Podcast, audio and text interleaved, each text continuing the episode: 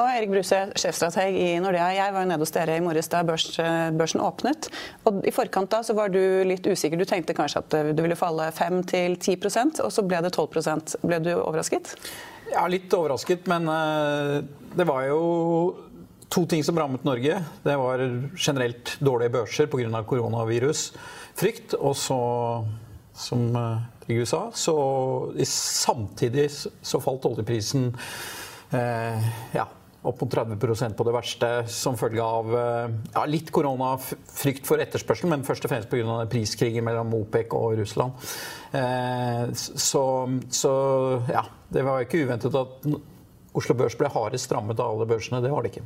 Men hva er det som er forskjellen på det vi ser nå og det vi så under finanskrisen?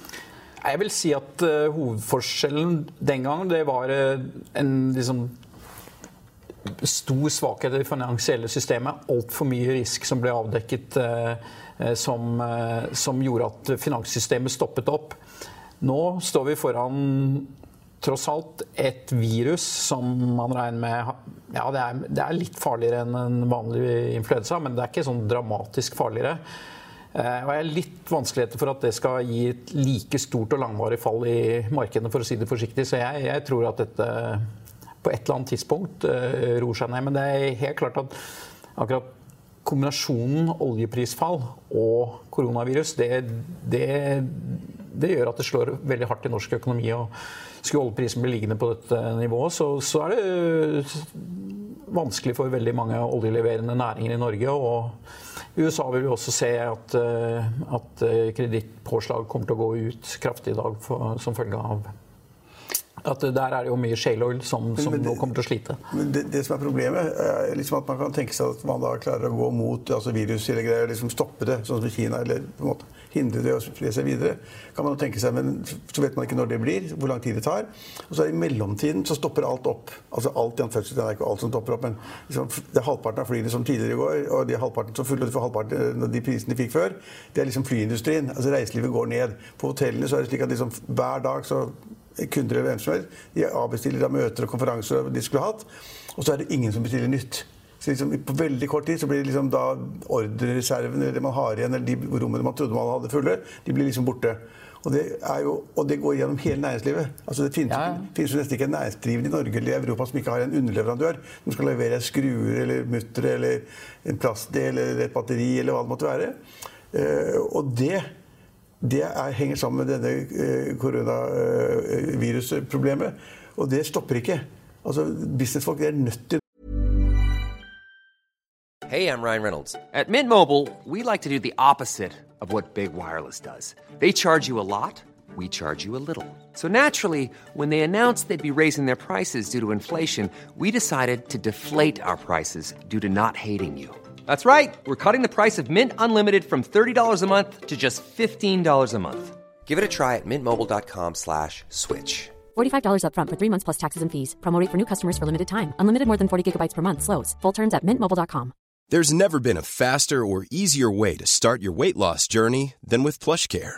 PlushCare accepts most insurance plans and gives you online access to board-certified physicians who can prescribe FDA-approved weight loss medications like Wigovi and Zepbound for those who qualify.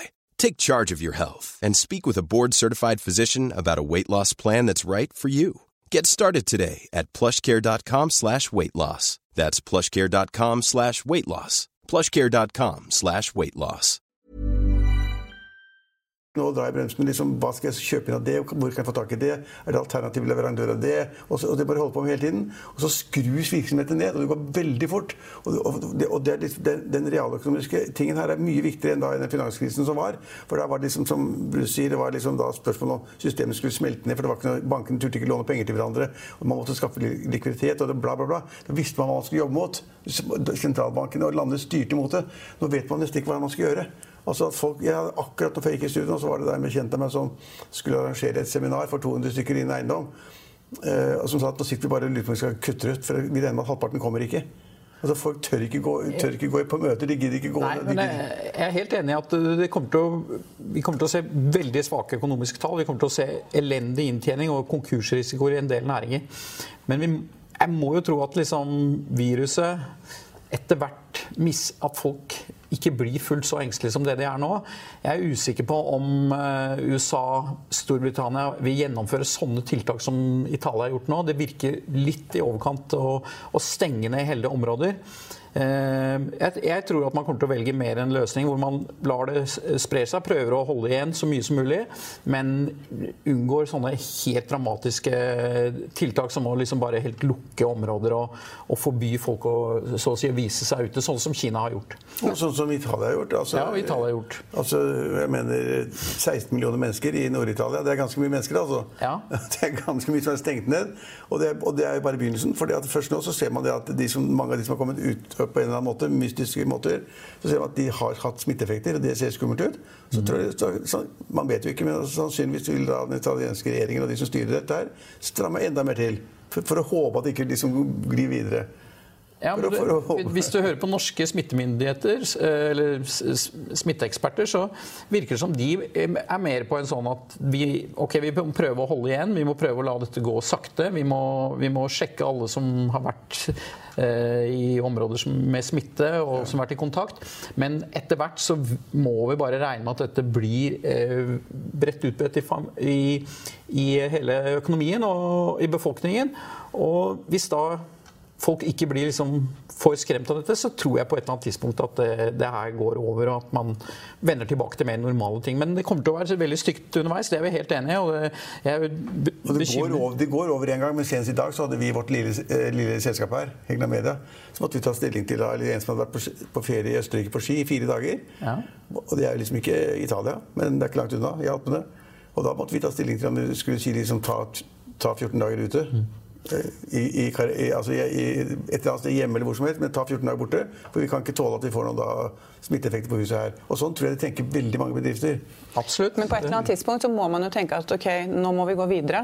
Og det kan vel kanskje skje nærme sommeren, da, når man har sett at sykdommen har utspilt seg, og så tar næringslivet seg opp igjen, da, eller? Ja, det, det, tror jeg. Jeg tror at vi, jeg tror at vi Det jeg tror mest på at ja, det blir veldig tøffe tider nå. Det blir trussel om konkurser. Konkurser kan vi se. Folk blir permittert. Eh, men myndighetene kommer til å strekke seg langt til å prøve å kompensere iallfall deler av de næringene som sliter, og spesielt de forbrukerne som, som da blir eh, som mister jobben eller blir permittert. Så vi kommer til å få ekspansiv finanspolitikk, altså mye bruk av offentlige penger over eh, budsjettene. Eh, og så kommer vi til å se rentekutt. Eh, og jeg er helt enig i at rentekutt hjelper ikke akkurat her og nå. Om folk sitter hjemme fordi de er redd, så hjelper det ikke om renta er kvart prosentpoeng lavere. Men når ting begynner å gå normalt igjen, så vil lavere renter bidra.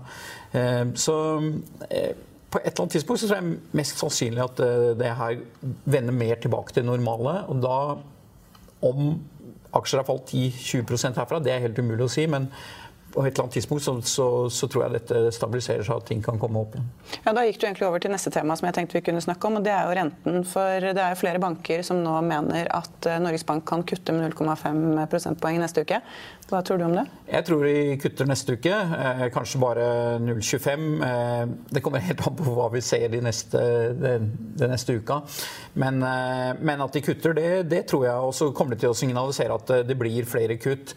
Eh, men basert på at det, da blir økonomien hardt rammet, og eh, de vil være veldig forsiktige med å liksom si noe veldig sikkert om hvor rentene skal. Men Norges Bank har rom til å kutte mer, eh, men jeg tror eh, det skal veldig mye til for at vi ser nullrente eller negativ rente i Norge. Eh, Øystein Olsen har vært veldig klar på at på et eller annet tidspunkt så stopper vi rentekuttene, og da er det finanspolitikken som må overta og stimulere økonomien i Norge. Hva tror du, Trygve?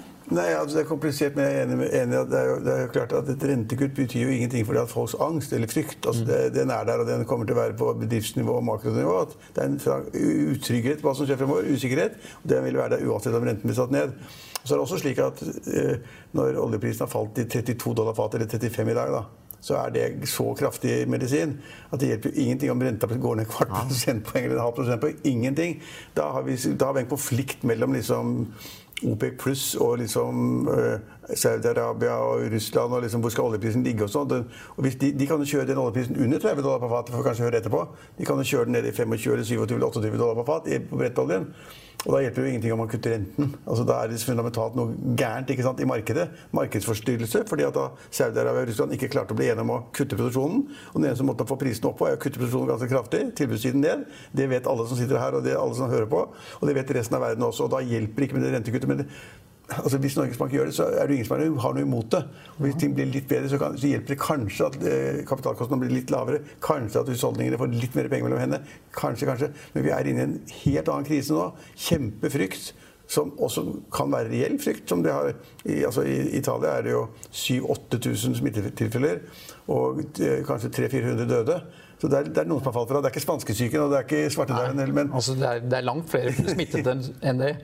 Hvis det er 400 døde, så, så, er det, så, er det, veldig mange som har det, som ikke er registrert. Ja. Men, men, vi står for en ganske komplisert situasjon. jeg tror ja. Norsk økonomi er på en måte mer rammet enn mange andre. for det, vi, vi har, det, ene, det, ene, er oljesiden, og det andre er da smittesiden. Mm. Og de er samtidig altså Det er ikke lett å håndtere. Nei, det, det er helt riktig. Men sånn som kronen har jo også svekket seg voldsomt. Den var rundt 11 mot euro tidligere i dag. Um, hva betyr det for norsk økonomi? Nei, jeg tror ikke igjen, Hvis det blir en krise internasjonalt, så, så betyr jo ikke litt svakere krone all verden. Men på marginen så er det jo en hjelp for, eh, for norske eksportører med litt bedre inntjening i norske kroner. Eh, så, og iallfall i Norges Banks tankegang så vil dette være en, en, en en sak som liksom gjør at behovet for rentekutt ikke er fullt så, så til stede når, når krona svekker seg såpass mye. Men det er en effekt som da ikke stått om noen steder i dag, som jeg syns er ganske alvorlig. Det er jo det at når kronen svekker seg så mye som den har gjort nå, altså 40-50 øre på en dag, det er jo ja, det er ikke det vanlig valutahandel hver dag i hvert fall. Ja. Så vil jo det gjøre det så komplisert å kjøpe varer i utlandet. Det blir jo så dyrt. Altså det, det blir så kjempedyrt å kjøre til utlandet så at du kan få en prisvekst på områder du ikke har tenkt på. Enten det er biler, sykler eller klær eller eh, tekstiler. Eller du, kjempe, altså, du kan få en prispørs på, på, på importprisene som er ganske skummel. Så det kan også være veldig skummelt for en del av norsk næringsliv. Ja, eh, men norsk næringsliv som har opplevd eh, kronesvekkelse i denne størrelsesorden før. De har greid å skyve det over i prisene, så det er til syvende og sist forbrukerne som ja, må betale. Men, men, nå får de så mye på en gang. Ja, det, det er helt sant. nå får de mye på en gang. Men Jeg vet ikke helt om det er deres eh, plass, men hva vil ditt råd vært til litt nervøse investorer i dag? Jeg vil, eh, Hvis du er en langsiktig investor som, eh, som sparer i aksjer, så, så, vil jeg si at uh, man burde liksom beholde den vektingen man har. Eh, til syvende og sist så, så, er det normalt med svingninger i aksjemarkedet. Og har du liksom litt lengre horisont, så, så, så, står du gjennom sånne perioder som dette. Det som er faren hele tiden, det er at folk eh, de, holder, de, sitter og holder på aksjer, holder på aksjer, og så på et tidspunkt har det falt så mye at de ikke orker mer, og så selger de på det som er nær bunnivåer. Så for en vanlig sparer så vil jeg absolutt anbefale å stå gjennom sånne perioder som det her, for du greier ikke å treffe bunner og topper. Så hvis vi kan konkludere det, så er altså Nordea hakket mer optimistiske enn det Trygve Hegnar er. Økonominyhetene er en podkast fra Finansavisen. Programledere er Marius Lorentzen, Stein Ove Haugen og Benedikte Storm Bamvik. Produsenter er Lars Brenden Skram og Bashar Johar. Og ansvarlig redaktør er Trygve Hegnar.